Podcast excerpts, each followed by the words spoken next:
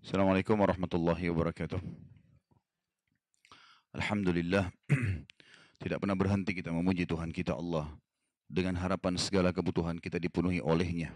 Karena memang dia telah menggantungkan segala kebutuhan kita untuk roda kehidupan di muka bumi ini dengan memuji namanya. Alhamdulillah. Jadi dipanjatkan salam hormat kita, salawat dan taslim kepada Nabi besar Muhammad sallallahu alaihi wasallam sebagaimana Allah telah memerintahkannya kepada kita dengan harapan agar Allah membalas itu semua dengan sepuluh kali tambahan rahmah atau karuniahnya. Kita membacakan sekarang hadis nomor 36 dari bab sabar. Ya. Dari bab sabar. Hadisnya adalah dari Atha bin Abu Rabah.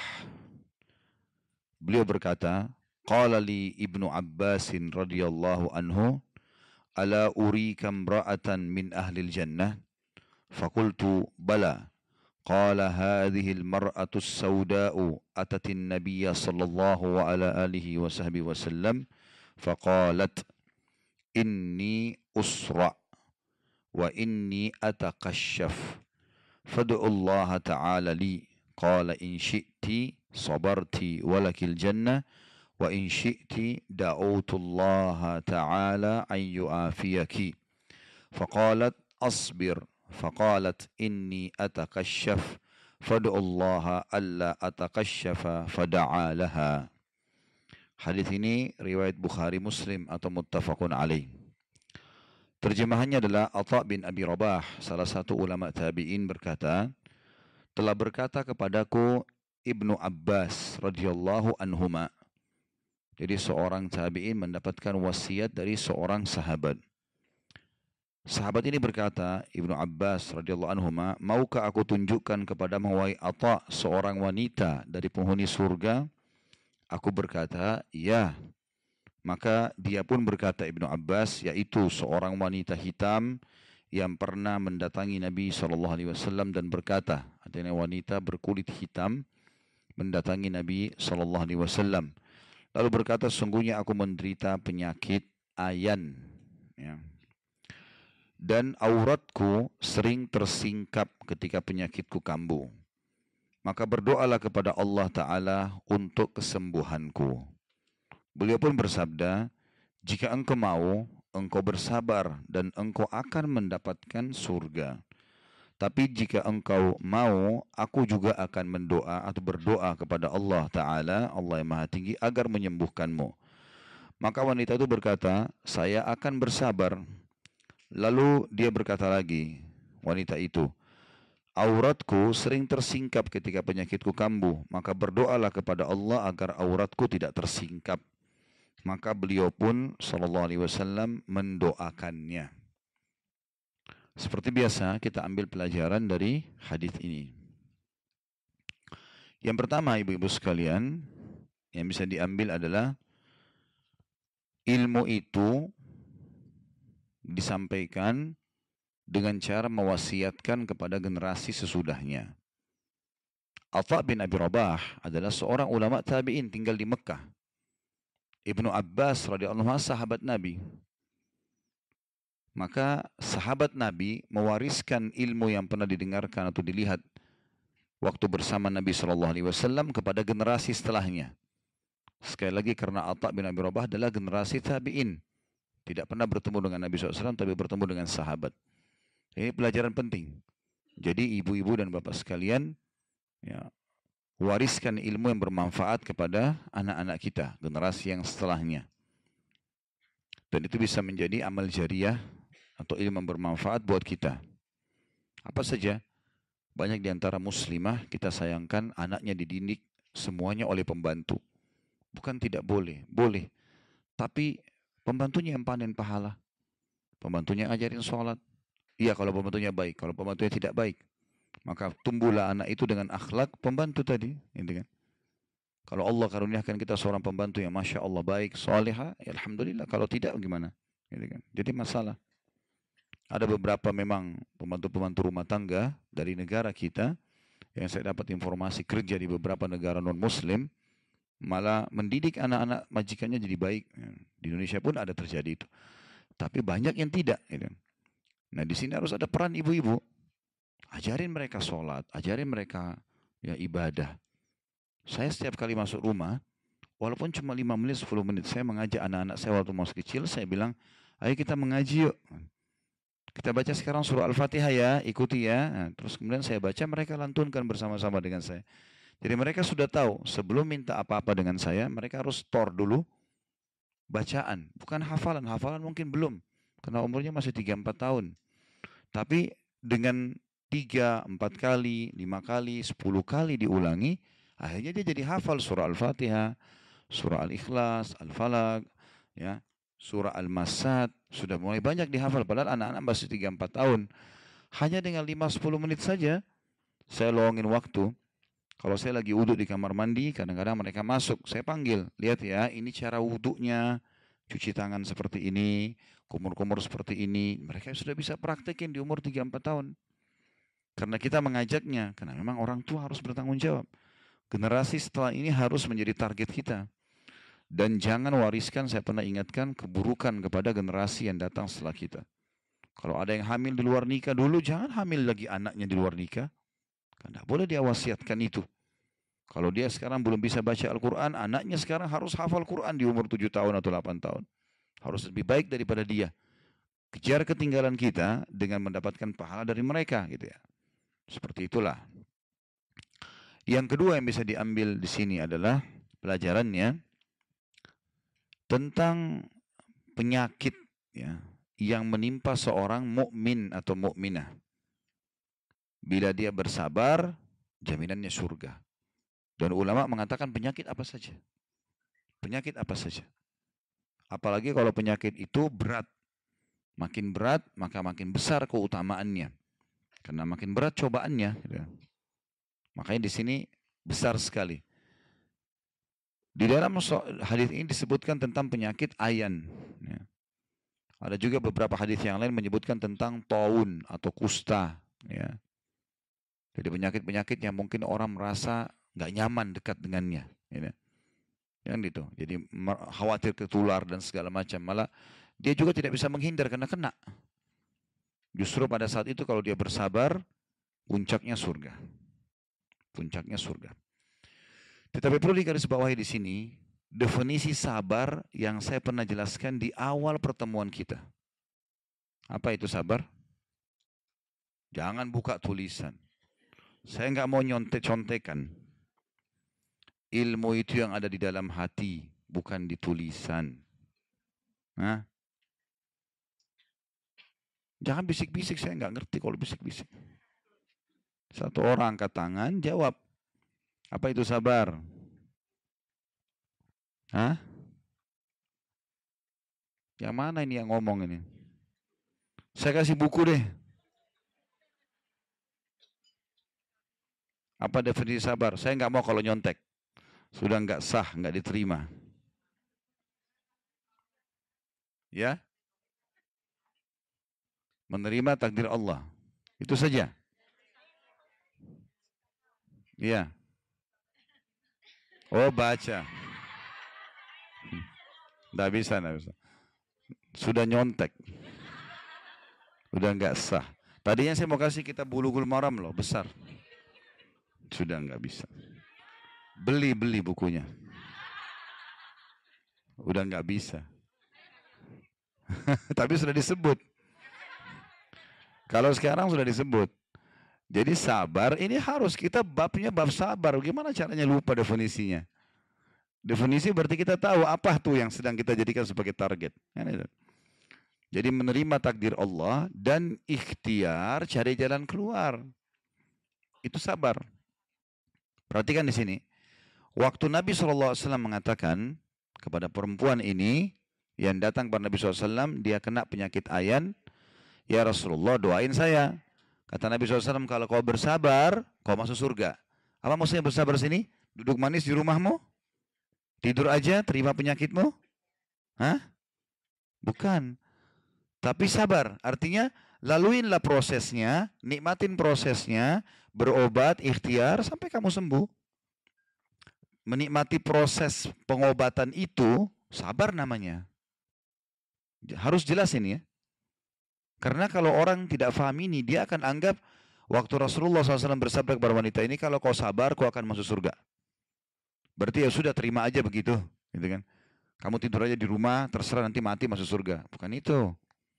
Makanya dari awal kita titik beratkan. Artinya ikhtiarlah secara manusiawi, berobat, konsultasi, segala macam ya.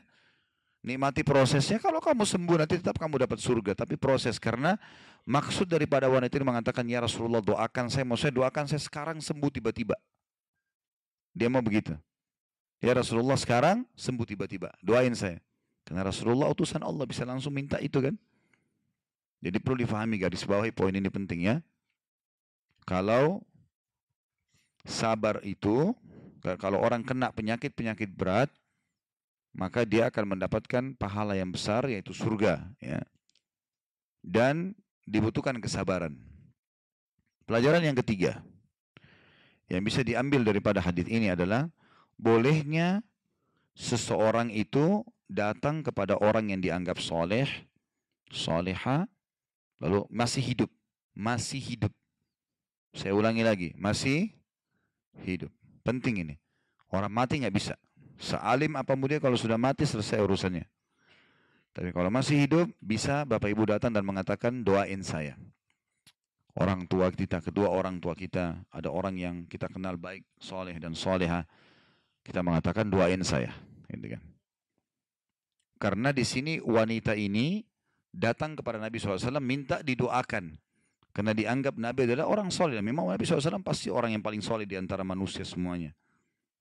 Tapi umumnya ulama mengatakan kita boleh mengatakan itu.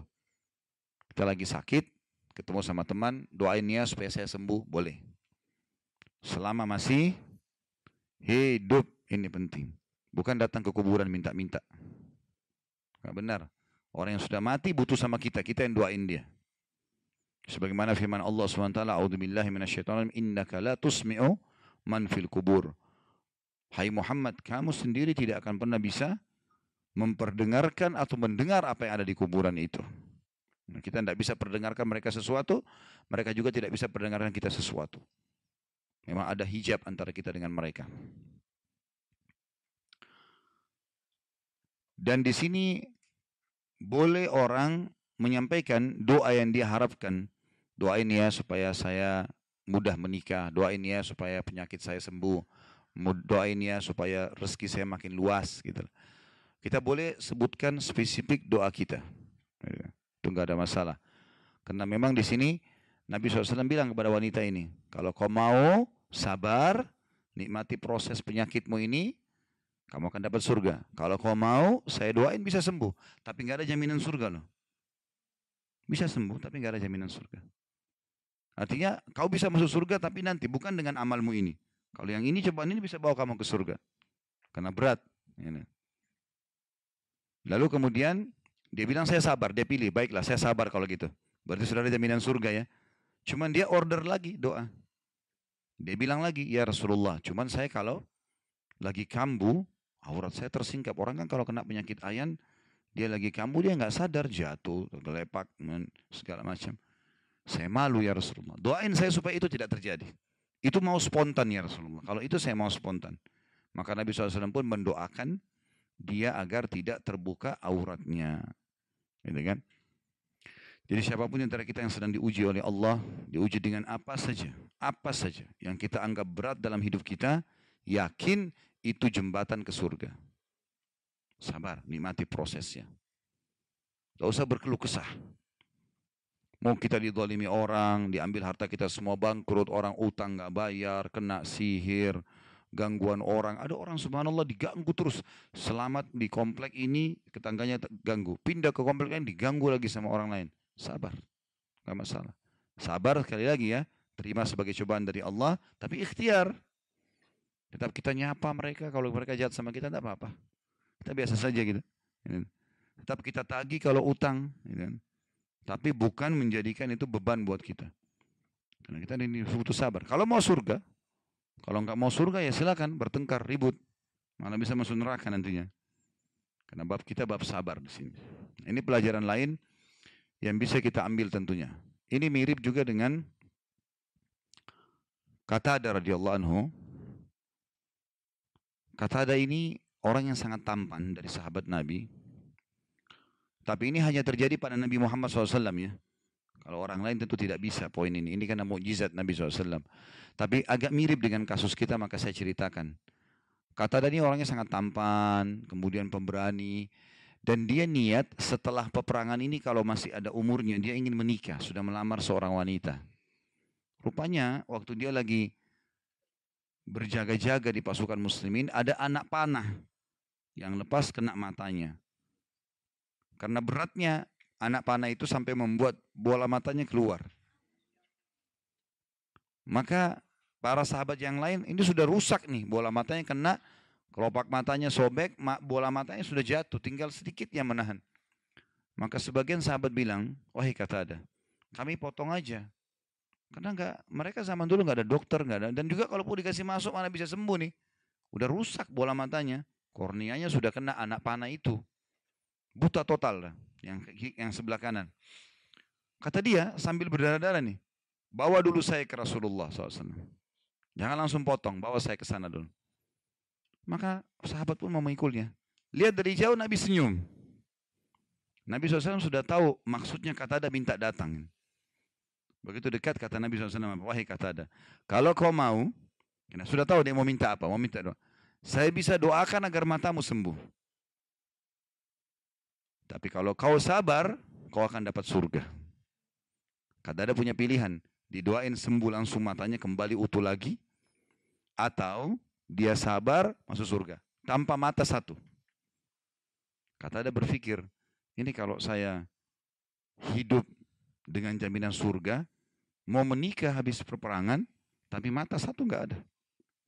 Cuma kalau saya sabar tanpa mata, maka saya dapat surga. Gitu kan.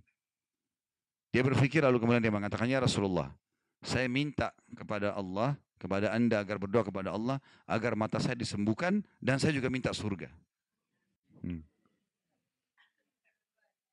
Maka Nabi SAW tersenyum, lalu kemudian menerima. Tapi saya bilang tadi, ini hanya terjadi pada Nabi SAW karena ini mujizat beliau. Maka beliau pun mencabut anak panah itu kemudian memasukkan kembali bola matanya kata ada lalu menutup dengan telapak tangan beliau. Lalu mendoakan, lalu kemudian menarik tangan beliau kata-kata ada waktu Nabi SAW tarik telapak tangannya, saya nggak bisa bedain mana mata saya yang rusak tadi. Nah dua-duanya terang. Para sahabat pun mengatakan kami tidak bisa membedakan mana mata kata ada yang rusak. Tadi sudah rusak total. Karena anak panah anak panah yang tajam sobek semua ini rusak. Kami nggak bisa bedain mana yang rusak sampai darah-darahnya sisanya semua hilang seperti mata baru gitu. Nah, ini terjadi pada kata ada. Tapi ini juga mujizat Nabi SAW. Masalah bisa disembuhkan seperti ini memang kuasa Allah pada Nabi SAW. Dan ini dimasukkan oleh para ulama dalam bab mujizat. Hanya saja ini juga terjadi pada kata ada. Beliau berdoa, minta Nabi SAW untuk doakan agar disembuhkan. Tapi di sini kita ambil pelajaran, artinya cobaan apa pun, Bapak Ibu sekalian yang datang kepada kita, makin berat maka makin besar pahalanya. Dan kalau makin berat cobaan, berarti ketahui kadar iman kita sudah mulai naik.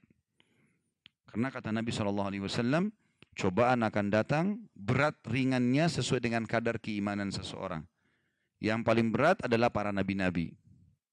Kemudian datang orang-orang yang setelahnya. Tapi tentu saja ada hadis yang membawa berita gembira buat kita, Bapak Ibu sekalian yang berbunyi, Allah tidak akan menguji seorang hamba melampaui kapasitasnya. Jadi kalau kita diberikan ujian, berarti kita mampu lalui. Enggak mungkin Allah melampaui kapasitas kita. Jadi kita nikmati saja, tapi Allah mau kita belajar, ikhtiar, segala macam. Itu yang dimaksud. Hadis 37 dari Abu Abdurrahman Abdullah bin Mas'ud radhiyallahu anhu Beliau berkata, "Ka'anni anzuru ila Rasulillah sallallahu alaihi wasallam yahki nabiyyan minal anbiya salawatullahi wa salamu alaihim darabahu qaumuhu fa'adma fa'admauhu wa huwa yamsahu ad-dama Allahumma ighfir li qaumi fa innahum la ya'lamun." Hadis ini muttafaqun alaih. Seakan-akan kata Abdullah bin Mas'ud, aku melihat masih bisa melihat Rasulullah SAW yang sedang mengisahkan tentang seorang nabi dari para nabi-nabi Allah. Semoga salawat dan salam Allah tercurah kepada mereka. Yang telah dipukul oleh kaumnya sampai berdarah. Sambil menyeka darah dari wajahnya dan dia berdoa, Ya Allah, ampunilah kaumku karena sesungguhnya mereka tidak mengetahui. Seperti biasa di sini kita ambil pelajaran darinya. Yang pertama adalah bagaimana sabarnya para nabi-nabi. Dan memang Allah memilih mereka karena Allah mengetahui mereka orang yang paling layak membawa risalah ini. Semua nabi itu luar biasa sabarnya, gitu kan. Sabarnya para nabi-nabi ya saking puncak saking puncaknya sabar mereka sampai-sampai sudah berdarah pun mereka masih minta agar kaumnya dimaafkan. Ya. Jadi bisa nggak kira-kira ada orang utang nggak bayar sama kita kita doain ya Allah tambahin kesehatan buat dia ampuni dosanya bisa nggak? Harus bisa. Sekarang kan sudah belajar. Malah seperti itu para nabi-nabi. Puncaknya luar biasa. Diganggu tetangga, ya Allah berikan hidayah. Ya. Kita doain kebaikan-kebaikan.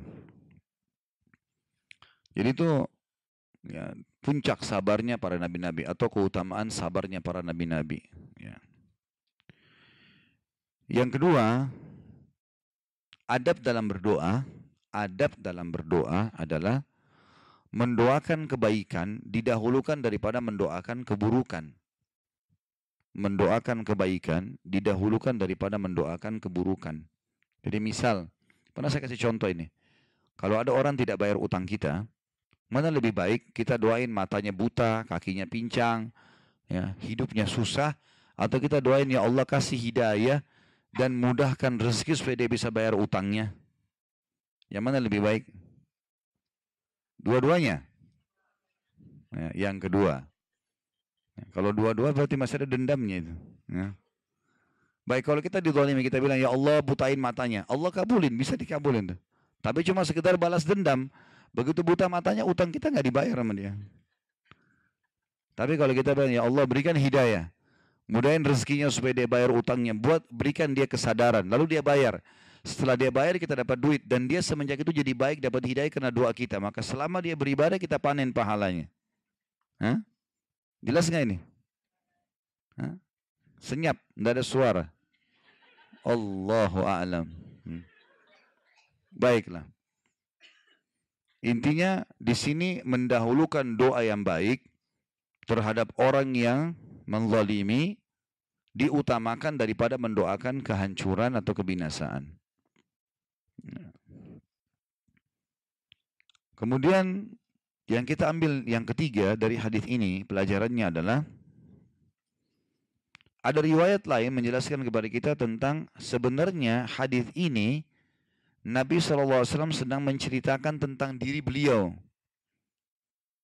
Kan di sini Abdullah bin Mas'ud bilang, saya melihat ke arah Nabi SAW seakan-akan beliau sedang menceritakan kisah salah satu Nabi. Kalau dalam riwayat lain diceritakan sebenarnya Nabi sedang ceritain diri beliau. Jadi sebenarnya ini adalah kisah Nabi Muhammad SAW sendiri dan itu terjadi pada saat terjadi uh, dakwah, ekspansi dakwah ke kota Taif. Jadi kalau ibu-ibu lagi uh, umrah, kemudian uh, di waktu-waktu mungkin selain Ramadan ya biasanya, kalau diizinkan, saya tahu sekarang visa sudah mulai dibuka oleh pemerintah Saudi, kita bisa datang beberapa kota. Ada satu kota namanya Taif, sekitar 60 km dari Mekah, uh, satu jam. Kalau di musim panas, puncak-puncak musim panas, ya kita haji, kita umroh, itu di sana buah-buahnya enak-enak itu. Ada delima, terkenal delima kota Taif manis dan besar-besar. Ya. Anggurnya, buah-buahnya bagus. Dan memang di situ di atas puncak gunung, jadi dingin. Ya. Di kota Taif ini Kota Taif ini pernah menjadi target dakwanya Nabi Muhammad SAW. Setelah beliau berdakwah beberapa tahun di Mekah, ternyata ditolak. Kan? Maka Nabi lihat tidak ada manfaatnya nih dakwah orang Mekah. Mereka bukannya mau dapat hidayah. Dari sekian tahun berdakwah, yang masuk Islam cuma 153 orang. Itu pun 83 orang sudah hijrah ke Ethiopia, tinggal 70 orang tinggal di, di Mekah bersama Nabi SAW. Penduduk Mekah ribuan orang. Gitu kan. Akhirnya beliau lihat kota terdekat Taif. Beliau pergi ke Taif. Tiba di Taif, Begitu beliau berdakwah, pimpinan-pimpinan kota Taif menolak. Dalam riwayat lain dikatakan, sebelum Nabi SAW tiba di sana, maka pamannya Abu Lahab yang diturun-turun surah Al-Masad ya, Tabat tiada Abi Lahab bin Watab. Ya, kecelakaanlah bagi Abi Lahab. Itu paman Nabi. Jadi sebelum Nabi SAW tiba di Taif, dia sudah tiba duluan. Lalu dia mengatakan akan datang ponakan saya bernama si Fulan, itu penyihir jangan dipercaya dan dan seterusnya. Sehingga Nabi SAW pas tiba di Taif ditolak. Gitu kan. Ternyata nggak cukup sampai di situ. Jadi waktu Nabi SAW ditolak oleh pimpinan-pimpinan suku kota Taif namanya suku Thaqif ya. Maka Nabi bilang kepada pimpinannya, kalau kalian nolak ini Islam, izinkan saya berdakwah ke masyarakat Taif. Maka pimpinan mengatakan tidak kami izinkan. Bahkan kami akan ya, mengusirmu. Lalu kemudian ketiga pimpinan kota Taif waktu itu, tiga orang bersaudara, mereka memerintahkan kaumnya untuk melempari Nabi SAW dengan batu. Itu di awal-awal Islam. Dan sangat menyakitkan sekali. Kenapa? Karena Nabi melangkah nih, sambil diusir keluar dari kota Taif. Jadi setiap kakinya melangkah yang sedang diangkat itu yang dilempari batu. Ya, jadi sakit sekali. Kanan diangkat nih. Karena orang melangkah pasti kan mengangkat. Begitu diangkat dilemparin. Diturunin kan sudah sakit. Yang kiri diangkat dilemparin lagi yang kiri. Dan ribuan orang yang lemparin. Banyak sekali sampai kaki Nabi SAW luka parah pada saat itu. Tapi beliau harus jalan keluar. Sampai keluar dari pintu gerbang Taif ditutup. Bayangkan kalau kita di posisi beliau SAW ini luar biasa. Tanda kutip di sini terhinanya. Sudah ditolak dakwah, diusir, dilukain lagi. Gitu kan? Pada saat itu Nabi SAW karena capek sekali, letih, Beliau coba memaksakan diri jalan sampai di bawah sebuah pohon. Waktu itu beliau bersabda dan beliau mengatakan dalam doanya, Ya Allah, ke mana arah engkau akan arahkan telapak kakiku? Kepada sebuah masa depan yang tidak jelaskah? Atau kepada kaum, kalau saya kembali ke Mekah, yang menolak Islam. Atau aku ke Taif, ditolak juga Islam. Ke mana arahnya ini? Tapi ya Allah ketahuilah, kalau engkau tidak murka padaku, aku tidak peduli. Yang tidak penting bagi aku ini sekarang, aku betul berkeluh kesah kepadamu ya Allah, sakit nih. Tapi tetap aku tidak akan berhenti. Ke mana pun arahnya nggak ada masalah. Pada saat itu Allah utus Jibril alaihissalam datang mengatakan, Hai Muhammad, Tuhan mengucapkan salam padamu. Dan di sebelah saya sekarang ada malaikat khusus yang mengurus gunung-gunung di bumi. Jadi yang urus gunung-gunung ini yang merawatnya segala ada malaikatnya. Ini ada pimpinannya sekarang datang dengan saya dan Allah utus dia kepadamu. Tinggal kau perintahkan agar gunung Mekah sama gunung Taif disatuin, habis nih dua kota nih. Hilang dalam sejarah manusia. Mereka sudah buat masalah sama kamu, Mekah sama Taif habis semuanya dua-dua. Walaupun di situ ada Ka'bah, gitu kan? Maka apa jawaban Nabi kata Jibril di tanganmu sekarang. Kau mau mereka dihancurin silahkan. Kau mau bersabar, maka Allah akan sebarkan juga agamamu. Kata Nabi SAW, aku bersabar. Dan aku berharap agar ada dari keturunan mereka yang masuk ke dalam agama Allah. Dan ternyata betul. Nanti setelah pembahasan kota Mekah, satu kota Taif masuk Islam.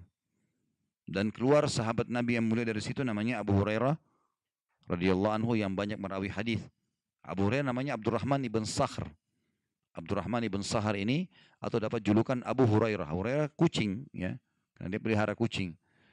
Maka terkenal orang yang paling banyak meriwayatkan hadis justru dari suku Taif dari kota Taif dari suku Thaqif namanya. Ya.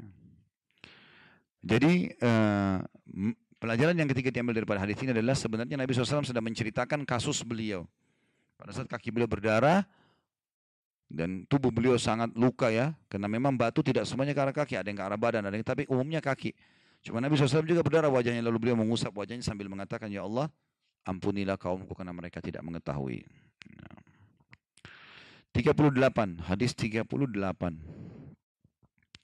Dari Abu Sa'id dan Abu Hurairah radhiyallahu anhu dari Nabi wasallam beliau bersabda ma yusibul muslima min nasabin wala wasabin wala hammin wala hazanin wala adha wala ghammin hatta syaukati yushakuha illa kaffarallahu biha min khatayah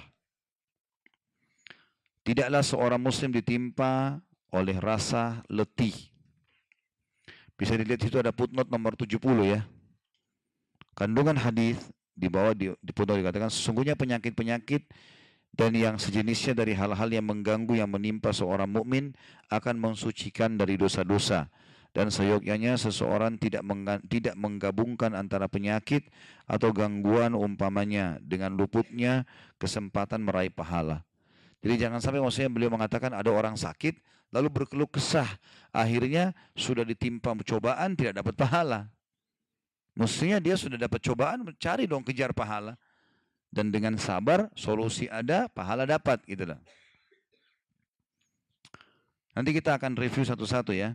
Tidak ada seorang muslim yang ditimpa rasa letih, koma penyakit, koma kegelisahan, koma kesedihan, koma gangguan, ataupun kegundahan, hingga duri yang menusuknya, melainkan Allah akan menghapus sebagian dari kesalahan-kesalahannya karenanya.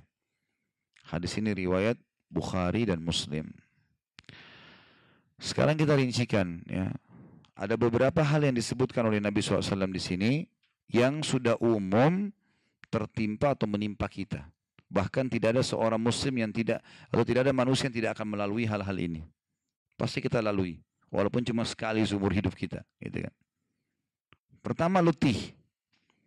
Letih adalah dirincikan oleh para ulama bukan kita bicara capek yang berat ya.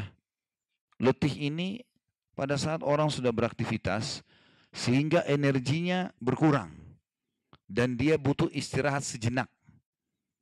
Misal kita sudah mutar di rumah ini dari naik ke atas turun ke bawah dua tiga kali, kadang-kadang kita merasakan letih. Bukan capek, capek berbeda. Capek memang kita butuh istirahat yang besar. Letih saja. Letih berarti porsi energi yang sudah ada tadi berkurang. Itu saja. Tapi kita kalau beraktivitas masih bisa. Gitu. Itu letih. Letih ini bisa disebabkan karena aktivitas tubuh atau panasnya cuaca, gitu kan? Atau dinginnya cuaca. Jadi dia masuk ke dalam semua lini itu. Itu makna letih. Jelas ini? Baik. Ikhlaskan niat, bukan karena buku. Ya. Yang kedua, penyakit. Dan di sini tidak disebutkan penyakit kronis. Penyakit saja. Berarti kata ulama hadis mau ringan, mau berat, intinya penyakit. Sakit perut, sakit mah, flu, demam, ya, rematik, apa saja yang biasanya umum orang rasakan. Masuk di dalamnya semuanya. Yang ketiga, kegelisahan. Kegelisahan dan kesedihan ya, yang keempatnya. Apa bedanya ini? Gelisah ini umumnya terjadi ya karena kepenatan jiwa saja. Itu namanya gelisah. Jadi bisa saja orang tidak bisa tidur namanya gelisah. Kepenatan jiwa saja. Bisa saja orang gelisah itu karena gerah, panas. Orang gelisah. Gelisah nggak bisa tenang. Ya. Beda dengan kesedihan. Kalau kesedihan harus ada sebab. Ada sebab sesuatu yang membuat kita sedih. Orang kalau gelisah tidak harus nangis kan? Kalau orang sedih bisa menangis, beda. Perbedaannya di situ, ya. Dan kegelisahan ini umumnya disebabkan secara internal dari kita.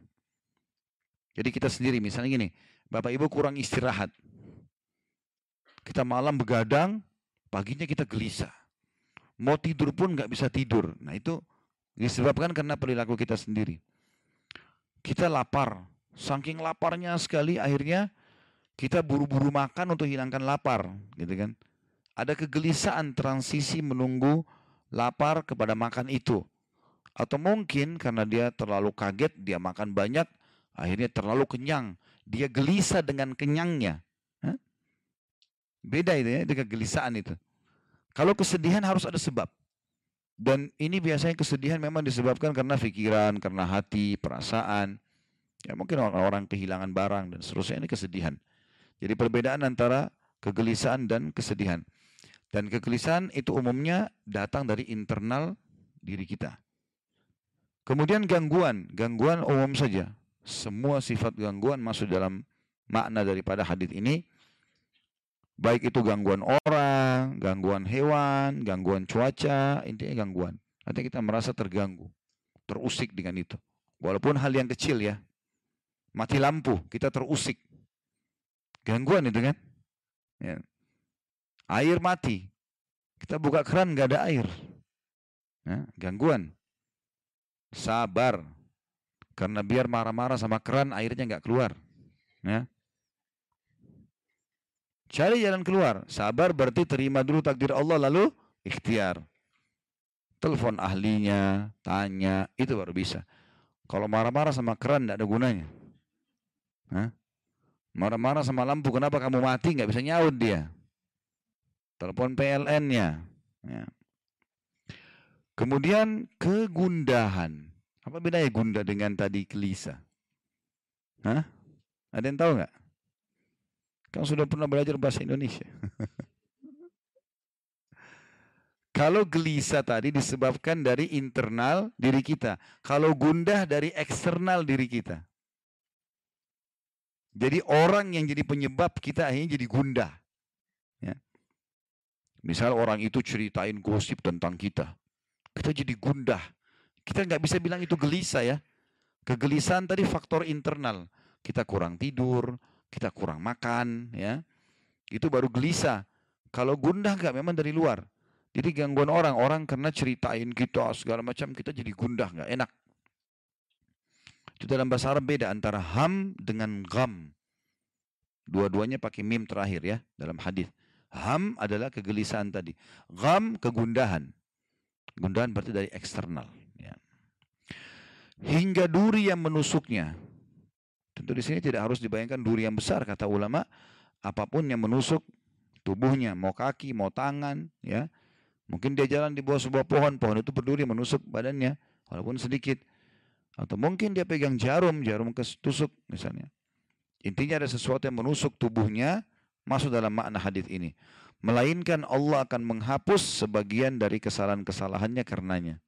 Tentu belum semua, tapi jadi pembersihan dosa. Baik, pelajaran dari hadis. Yang pertama adalah indahnya menjadi seorang muslim. Indahnya menjadi seorang muslim. Karena apa pun kejadian yang dia lalui bisa bernilai pahala, bisa membersihkan kesalahan. Dan kalau dibersihkan dosa berarti di dunia rezeki kita melimpah, di akhirat timbangan kita jadi berat yang amal soleh, ringan amal dosanya. Gitu kan? Itu makna daripada pembersihan dosa. Jadi indahnya menjadi seorang muslim karena segala sesuatu ya, dari fenomena kehidupan yang dia lalui bisa menjadi penambahan pahala dan pembersihan kesalahannya. Yang kedua, yang bisa diambil daripada hadis ini adalah jenis-jenis cobaan harian yang disebutkan oleh Nabi Shallallahu Alaihi Wasallam untuk menggambarkan kepada kita semua kalau yang seperti ini aja bisa membersihkan dosa, apalagi yang besar. Ya. Misal letih tadi, ada yang lebih berat dari letih, capek. Ya. Berarti kalau letih saja sudah bersihin dosa, apalagi kalau capek. Capek bekerja, capek segala macam, ya itu berarti lebih besar lagi. Ya, seperti sama kegelisahan.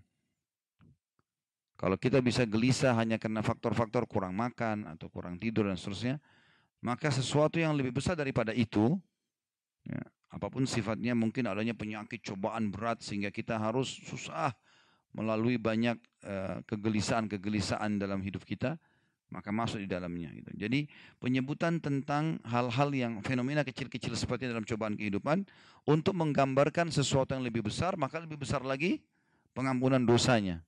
Ya. Jadi bobot pembersihan dosa, bobot pemberian pahala lebih besar. Ya, seperti itulah. Selanjutnya hadis 39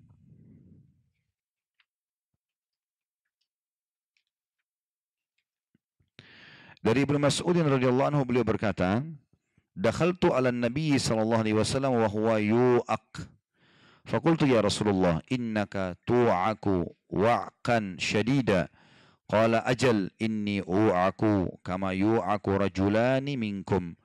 Qultu dhalika anna laka ajraini qala ajal dzalika kadzalik ma min muslimin yusibuhu adza syaukatun fama fawqaha illa kaffarallahu biha sayyiatihi wa huttat anhu dhunubuhu kama tahuttu syajaratu waraqaha Hadis ini riwayat Bukhari Muslim.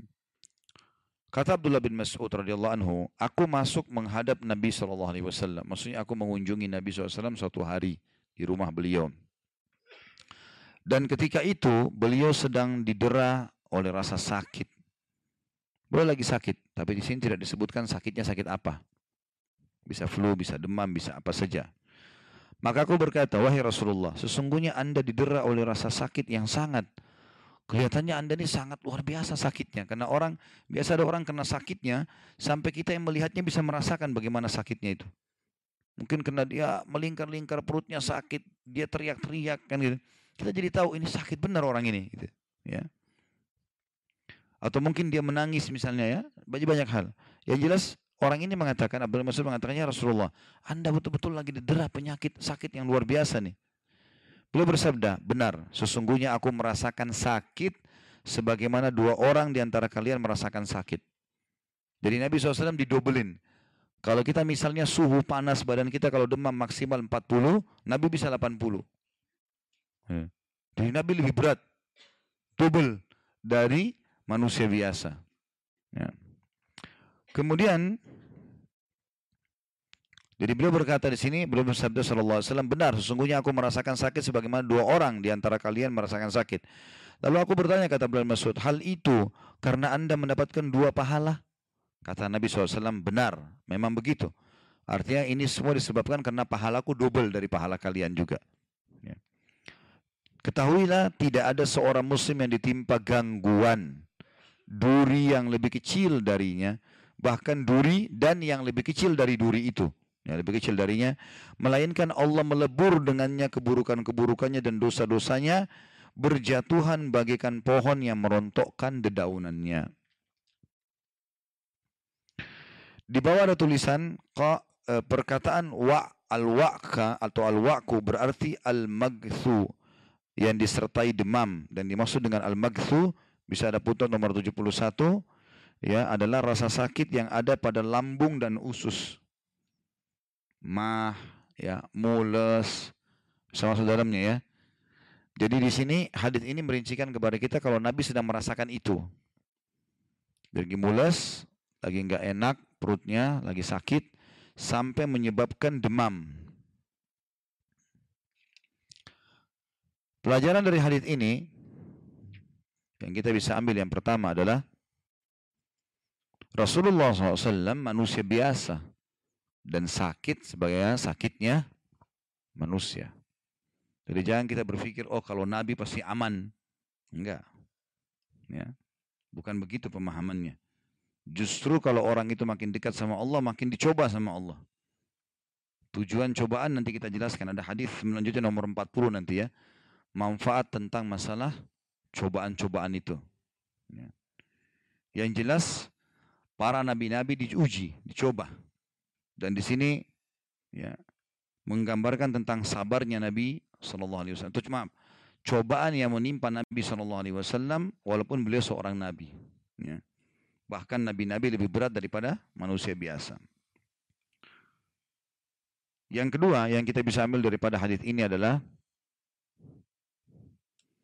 Nabi SAW diberikan cobaan dua kali manusia normal yang akan diberikan juga dua kali lipat pahala. Ya.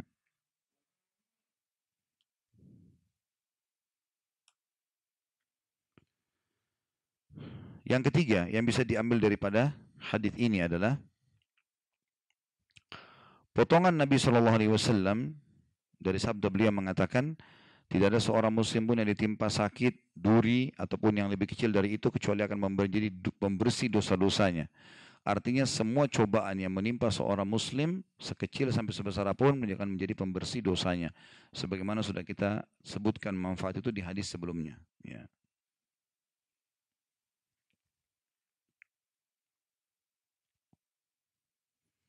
Berhubungan dengan masalah penyakit, ada beberapa poin yang harus kita tahu. Yang pertama, tidak ada orang di muka bumi ini yang tidak melalui sakit. Itu dulu poin penting.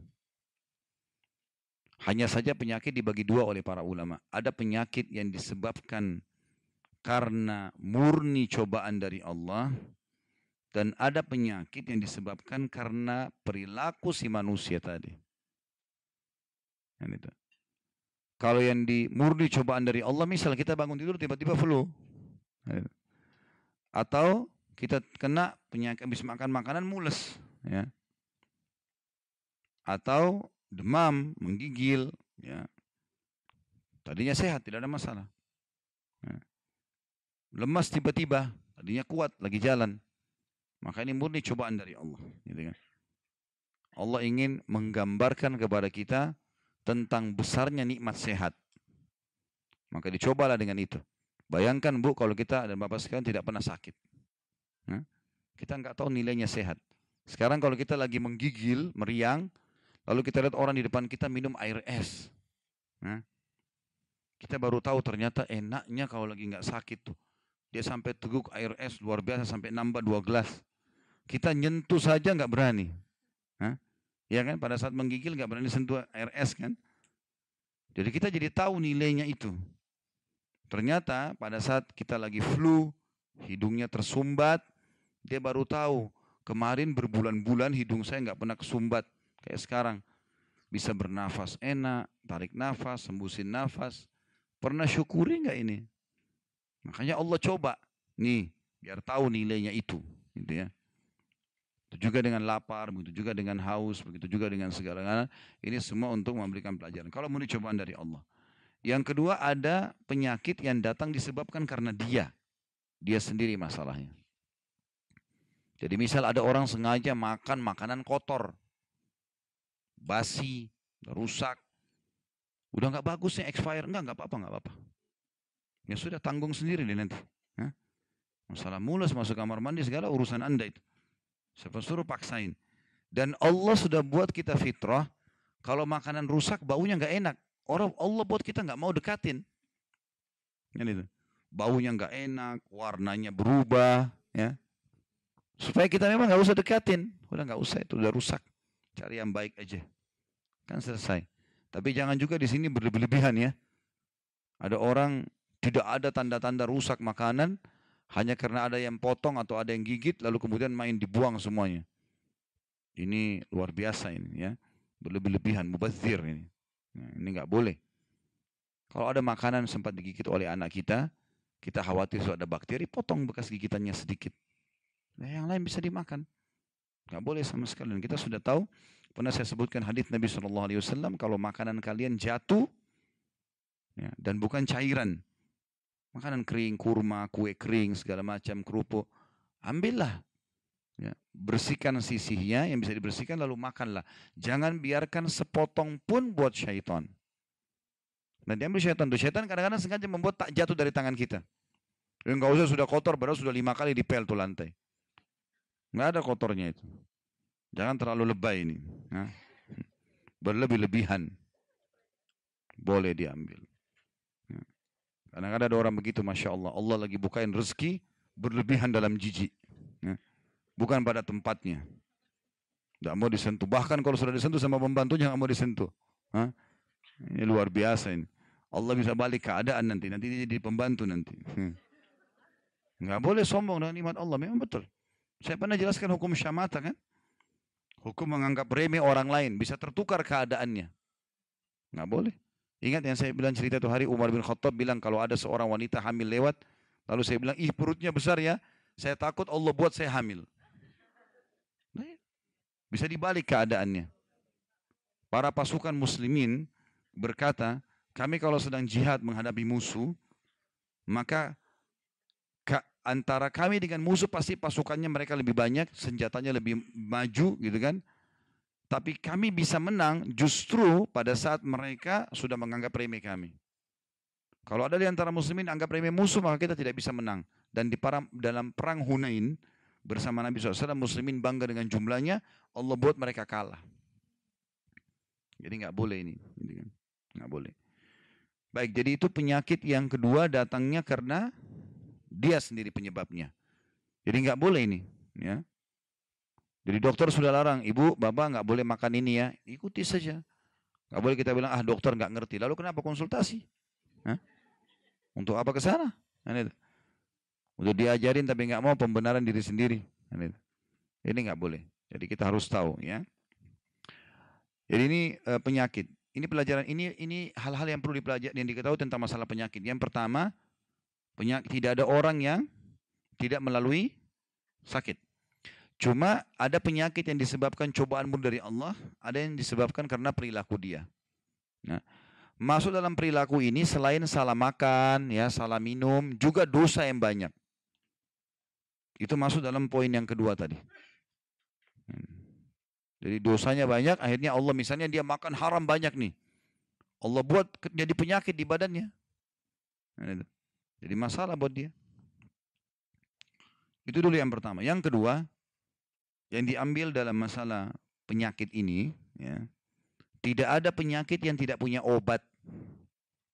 Kalau dalam Islam, tidak ada penyakit yang tidak punya obat. Karena Nabi SAW bersabda, Allah tidak turunkan penyakit kecuali Allah turunkan bersamanya obatnya.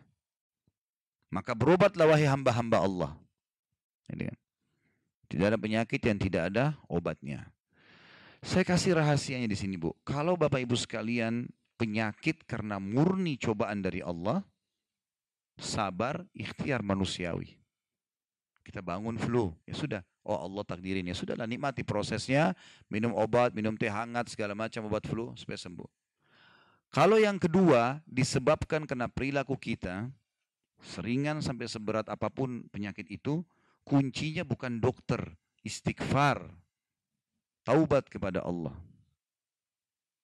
Jadi kita muhasabah, ini ada masalah apa nih? Saya dulu pernah buat salah apa?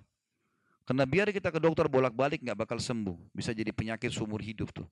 Karena penyebab utamanya dia nggak obatin. Masalah dia sama langit nih. Ya.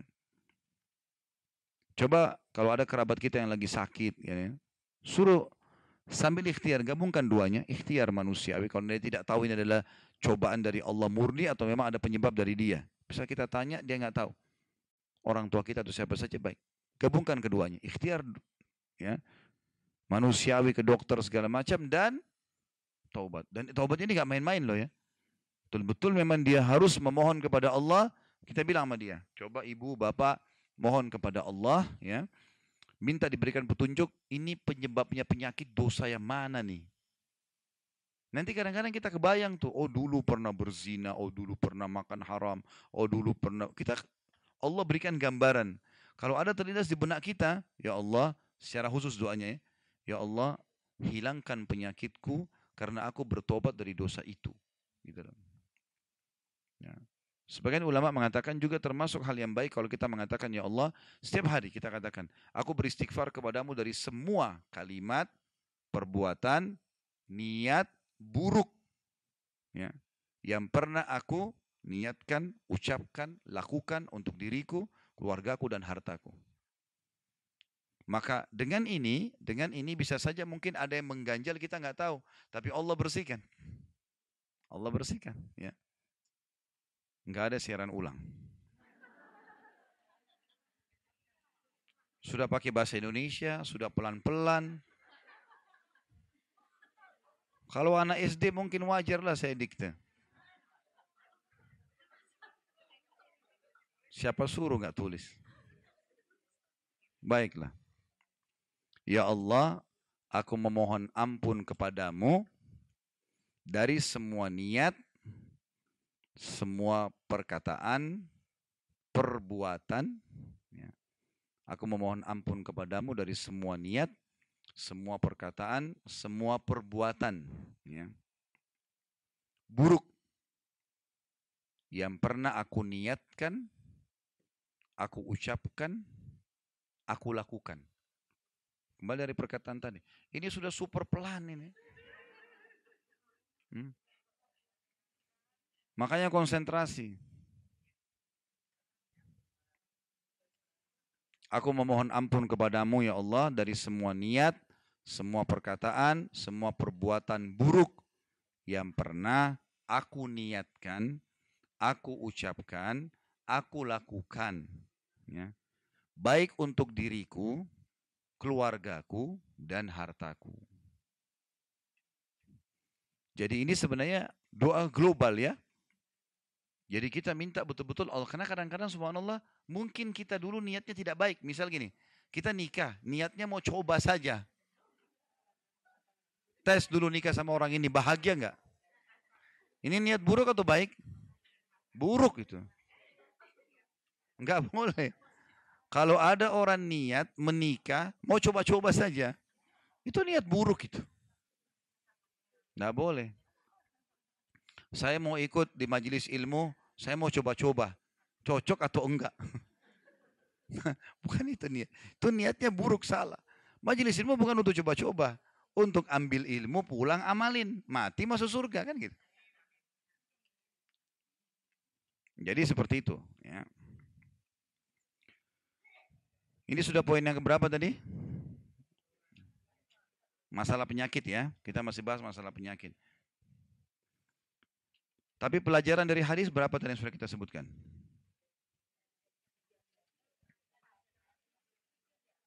Apa yang pertama? Baik, itu Rasul, Rasulullah SAW adalah manusia biasa merasakan sakit sebagaimana manusia lainnya. Yang kedua, Rasulullah SAW diberikan cobaan dua kali manusia normal agar diberikan dua kali lipat pahala. Yang ketiga, Enggak, hukum tentang penyakit. Di poin ketiga ini terpecah tadi ini. Ya. Jadi faedah yang ketiga dari hadis adalah bahwasanya penyakit itu memang ada dan ada poin-poin yang harus difahami dalam masalah penyakit. Yang pertama apa? Di poin ketiga. A-nya lah ya. Poin ketiga, faedah ketiga A adalah tidak ada manusia di dunia yang tidak melalui penyakit. Pasti pernah sakit tinggal kadar ringan atau beratnya. Ini pun terbagi dua lagi. Jadi A ini ada lagi garis miringnya ada dua lagi. Ya. Penyakit disebabkan karena murni cobaan Allah atau karena dia. Lalu cara mengobatinya? Kalau murni cobaan dari Allah, sabar dan ikhtiar. Tidak, sabar dan ikhtiar. Ya. Kalau yang kedua karena perilaku dia, maka istighfar dan taubat. Tapi seseorang tidak masalah menggabungkan keduanya, ya. Keduanya dan dia dianjurkan untuk berdoa agar bisa memperbaiki semua itu di antara dua terakhir tadi yang saya sebutkan. Berhubungan dengan masih poin yang ketiga, masalah penyakit, ya, selain orang semua kena penyakit, ya, kemudian tidak ada penyakit yang tidak ada obatnya, ya, pentingnya atau perlunya setiap muslim dan muslimah berobat dengan cara pengobatan nabawi. Pengobatan nabi. Ya. Yang pertama di poin ini ya, menggunakan habbatus sauda. Jintan hitam. Sudah pernah ditulis? Oh, Alhamdulillah. Yang kedua madu. Ya.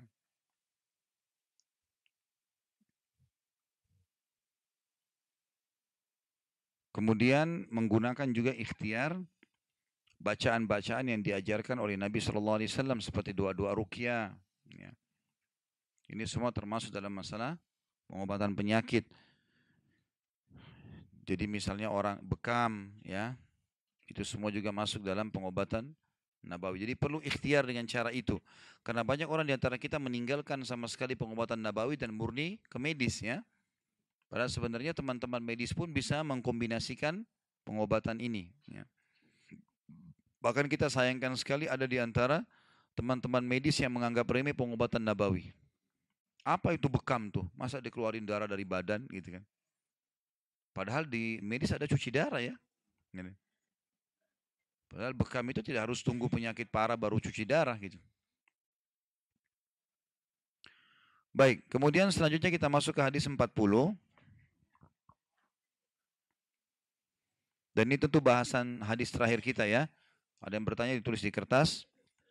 Abu Hurairah dari Abu Hurairah radhiyallahu anhu beliau berkata Rasulullah SAW bersabda may yuridillahu bihi khairan yusib minhu hadis ini muttafaqun alaih Barang siapa yang dikehendaki kebaikan oleh Allah untuknya, maka dia, D-nya besar, kata ganti Allah, akan menimpakan musibah kepadanya. Di sini dikatakan dan mereka menulis kata Yusuf dengan haraka fathah pada huruf sad artinya dia akan ditimpa musibah dan dengan harakat kasrah yang berarti Allah akan menimpakan musibah. Hadis ini memberikan faedah kepada kita yang pertama, tidak ada orang yang tidak dicoba. Enggak ada orang yang tidak dicoba. Dan cobaan itu akan terus menerus silih berganti datang dalam kehidupan seorang muslim sampai dia meninggal. Jadi misalnya Bapak Ibu lagi dicoba sesuatu. Jangan berpikir setelah keluar tidak dicoba lagi. Enggak, cobaan ada lagi. Cobaan akan datang terus, tapi cobaan sesuai dengan kadar kemampuan kita. Enggak ada cobaan yang tidak. Ini pelajaran penting. Tidak ada orang yang tidak diuji dan dicoba. Dan yang kedua, berat ringannya sebuah musibah atau cobaan tergantung daripada kadar iman atau kadar dosa. Ada dua. Kalau dia orang beriman sesuai dengan kadar imannya. Seperti Nabi tadi SAW kan. Kalau dia kafir, sesuai dengan kadar dosanya. Seperti penghancuran Fir'aun. Karena beratnya dosanya maka datang sekali yang berat juga pada dia. Atau kadar dosa ya. Kafir masuk dalam dosa gitu.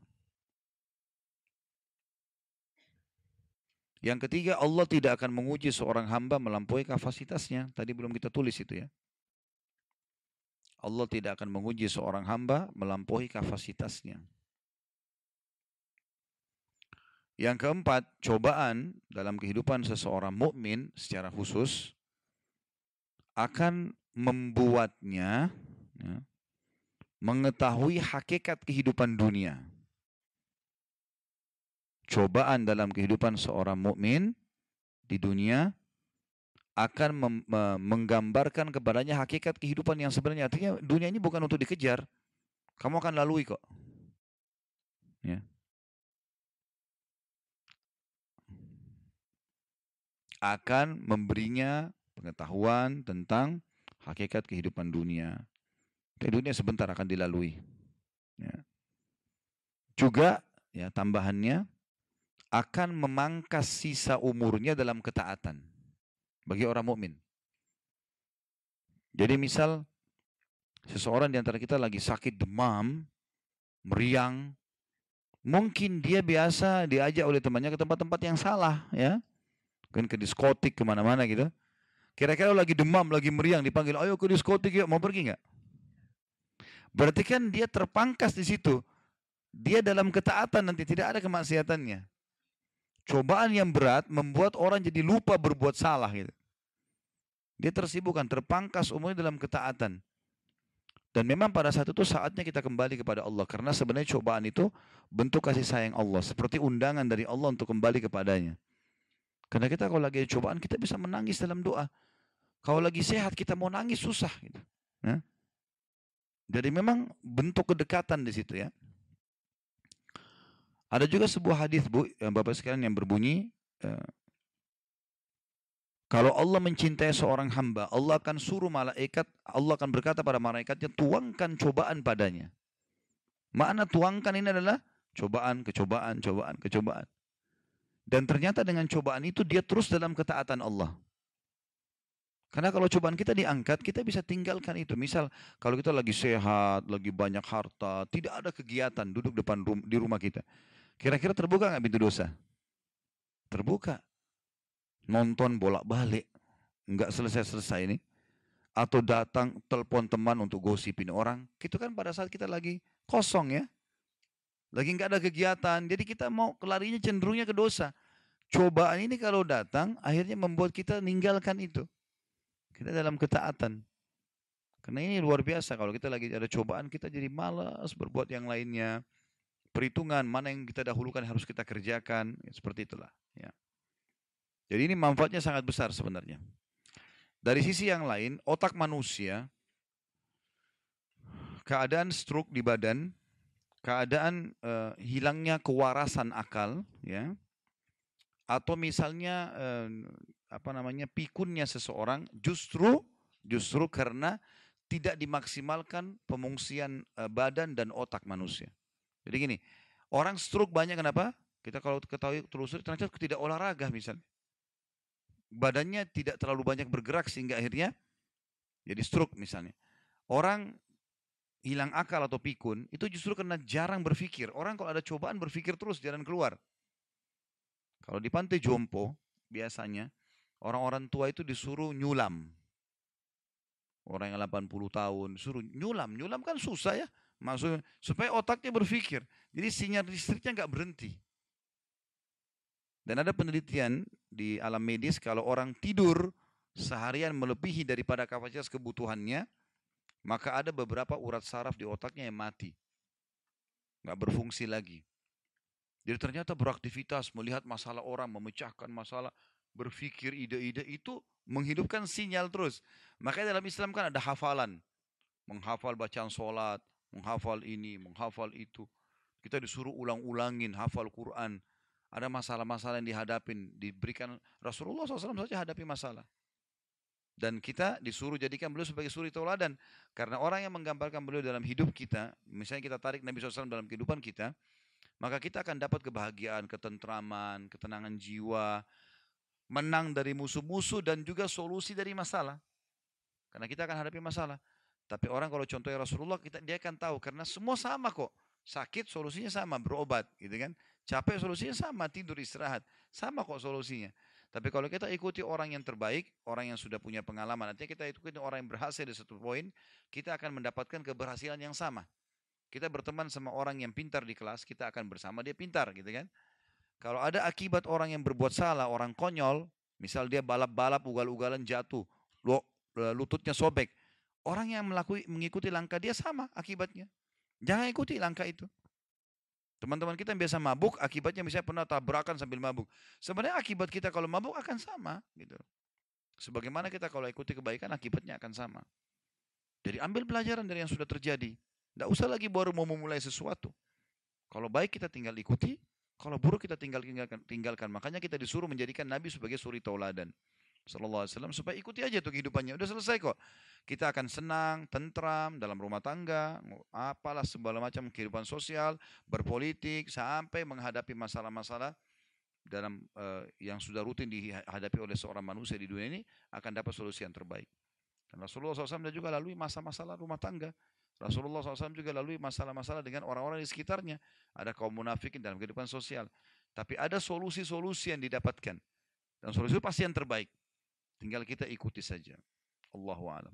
Kita tutup dengan doa kepada Allah SWT. Semoga majelis kita diberkahi olehnya dan jadikan sebagai tambahan amal kita pada hari kiamat. Dan semoga semua amal yang pernah kita kerjakan dan akan kita kerjakan sampai menjelang ajal datang nanti diterima dengan kemahamurahannya. Dan semoga semua dosa yang pernah kita kerjakan sekecil sampai sebesar apa pun, terutama yang haji dalam majelis kita ini dimaafkan oleh Allah dan diganti menjadi pahala juga dengan kemahamurahannya. Dan semoga yang sakit diangkat penyakitnya, yang terlilit utang dilunasi utangnya, yang menghadapi masalah apa pun dimudahkan dan diselesaikan oleh Sang Pencipta Allah. Dan semoga saja Allah memberkahi Ramadan yang akan datang ini agar kita mengisi dengan amal-amal soleh dan juga termasuk kita orang-orang yang didaftarkan oleh Allah menjadi penghuni surganya Firdaus tanpa hisab dan juga dihapuskan nama-nama kita dari api neraka. Dan kita berdoa agar Indonesia, kaum musliminnya semua bersatu di bawah ukhuwah Islamiyah, diangkat perselisihan di antara mereka dan semua tipu daya musuh untuk memerangi kaum muslimin dikembalikan kepada pengatur strateginya dan juga orang-orang yang melakukannya serta semoga saja umat Islam selalu dalam ibadah kembali kepada Al-Quran dan Sunnah dan semoga seluruh wilayah Indonesia diberikan pemimpin yang muslim yang adil yang kembali kepada Al-Quran dan Sunnah pula dan semoga Indonesia menjadi contoh bagi negara-negara yang lain. Tidak pernah lupa kita doakan saudara kita di Palestina, di Syria, di Yaman, di Irak, di Myanmar, di Ahsa, di mana pun mereka berada sedang tertindas. Semoga Allah ikhlaskan niat mereka, terima para syuhada mereka, muliakan Islam di tangan mereka dan tangan kita semua dan semoga Allah partisipasikan kita bersama mereka di pahala baik dengan doa, dengan harta juga dengan jiwa kita. Dan semoga Allah dengan kemahamurahannya menyatukan kita semua di surga firdausnya tanpa hisab, menyatukan kita di majlis ilmu yang mulia ini. Kalau benar dari Allah pada saat saya mohon dimaafkan. Subhanakallahumma bihamdika an la ilaha illa anta astaghfiruka wa atubu ilaik. Wassalamualaikum warahmatullahi wabarakatuh.